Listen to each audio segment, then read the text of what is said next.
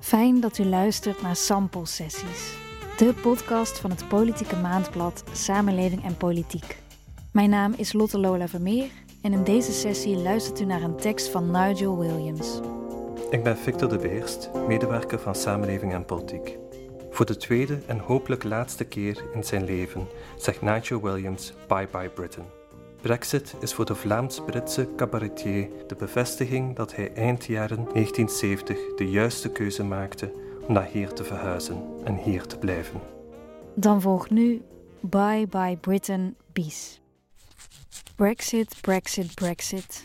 Ik kan het niet meer aanhoren. Vier jaar zijn we opgezadeld geweest met de dwang van het Verenigd Koninkrijk om zijn self-harming te etaleren aan de wereld. Eén ding is zeker: het zal zich niet meer in de eigen voet schieten, gezien beide voeten al aan flarden liggen. Soevereiniteit? De laatste dagen, dit stukje is geschreven net nadat de deal gesloten werd, schommel ik tussen woede, hilariteit en ongeloof. Heel de Brexit-operatie van referendum tot nu heeft al bijna net zoveel geld gekost als het VK in 47 jaar lidmaatschap heeft afgedragen aan de EU. En toch blijft het VK propageren dat Brexit geld zal opbrengen. De Britten eten graag vis en chips.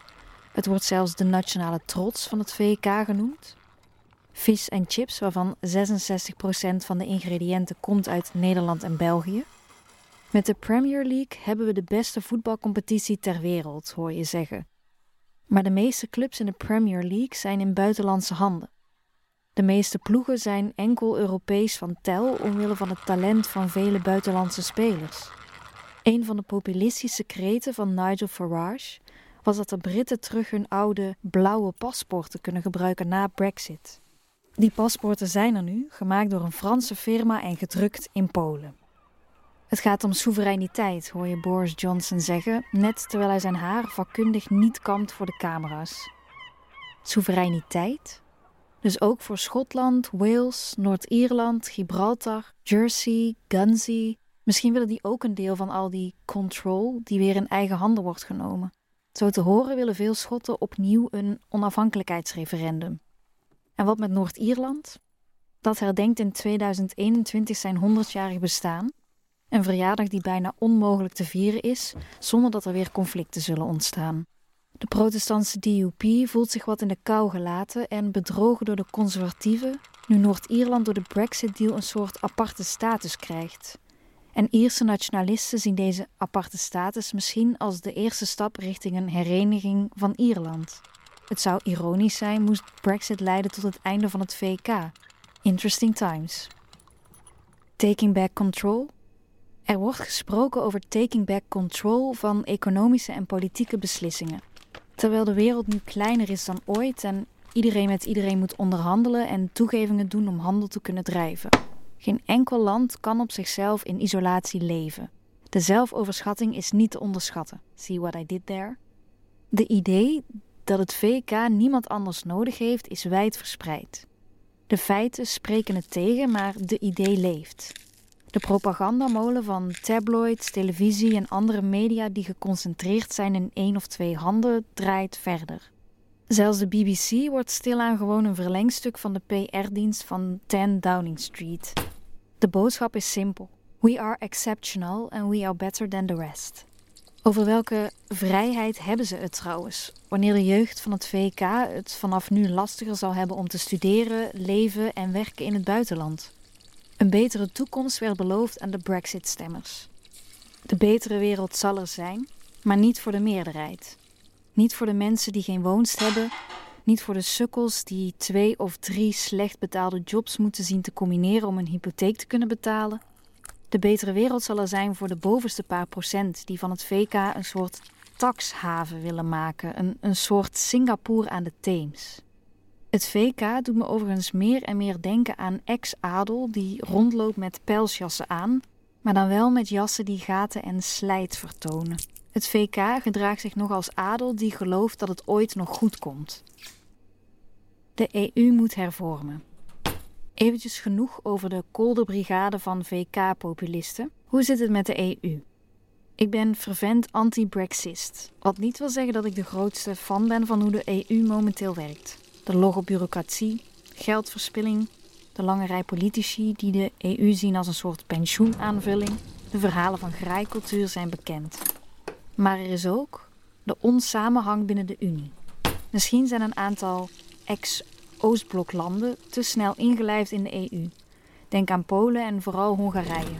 Het ergste is dat voor veel mensen de EU te veel een financiële samenwerking is ten koste van het sociale aspect. Ondanks dit alles blijft de EU een vooruitgang voor heel Europa. Ondanks alle scheve situaties die rechtgetrokken moeten worden, blijft de EU een goede basis om te zeggen dat heel Europa beter wordt in een steeds kleiner wordende wereld. De basisidee van de EU is intact, maar er zullen gevechten nodig zijn binnen de EU om het een andere koers te doen varen. Het beeld en perceptie van de EU moet grondig worden herzien. Al die onoverzichtelijke instanties en beslissingsorganen hebben een dringende onderhoudsbeurt nodig. Het democratische defect van de EU moet worden aangepakt enzovoort. Ik denk wel dat we het VK gaan missen als grote dissidente stem bij de debatten. Elk debat heeft een alternatieve stem nodig om tot de juiste conclusie te komen. Dat het VK op veel vlakken in de EU dwars lag over menige beslissingen was niet per se iets slecht. Zal het VK er beter van worden? Lid of geen lid van de EU? De EU zal sowieso de grootste handelspartner van het VK blijven. Het enige verschil zal zijn dat er nu meer onderhandelingen zullen moeten komen met meer over en weer toegevingen. Business is business en het kapitalisme wil zaken doen. Het VK is een redelijke markt, dus er zal business gedaan moeten worden. It's all about the money, it's all about the economy. Er zullen wat troebele overgangsjaren komen. De nationalisten zullen de Brexit waarschijnlijk jaarlijks vieren als de nog steeds grootste beslissing in het voordeel van het VK. De linkerzijde zal Brexit als de grootste vergissing en oorzaak van alles wat scheef loopt blijven bestempelen. De komende weken en maanden zullen we succesverhaal na succesverhaal horen over hoeveel beter het gaat nu het VK verlost is van de ketens van Europa. Ondertussen kunnen de inwoners van het zuiden van het VK een daguitstap doen naar Dover in plaats van Frankrijk om rijen vrachtwagens te tellen. Bye bye Britain bis. Op het moment dat de wereld geconfronteerd wordt met de grootste dreiging sinds de Tweede Wereldoorlog, op het moment dat we meer en meer zien dat wij, Homo sapiens, enkel kunnen overleven wanneer we samenwerken, beslist een kleine eilandengroep in de Noordzee dat het beter alleen af is. Als er één ding is dat de coronapandemie ons geleerd heeft, is dat wij als mens weinig toekomst hebben als we niet inzien dat we anders moeten gaan leven en onderling samenwerken. We staan niet boven de natuur, maar maken er integraal deel van uit. We hebben een wereldeconomie nodig die de beperkingen van onze planetaire plundertocht een halt toeroept. We staan voor grote uitdagingen op vlak van gezondheid, wetenschap, milieu en economie. Uitdagingen die levensbelangrijk zijn voor ons voortbestaan. Wat mij betreft hebben we meer samenhang nodig en minder achterhaalde nationalistische kortzichtigheid. Brexit is Brexit, zand erover. De geschiedenis zal erover oordelen. Ondertussen hebben wij allemaal belangrijkere issues die onze aandacht vereisen. Dus voor de tweede en hopelijk laatste keer in mijn leven zeg ik bye bye Britain. Of wat ervan zal overblijven. Ik dop mijn boontjes hier verder. En niet uit blik, maar vers. U luisterde naar sample sessies. Voor meer informatie over samenleving en politiek gaat u naar sample.be.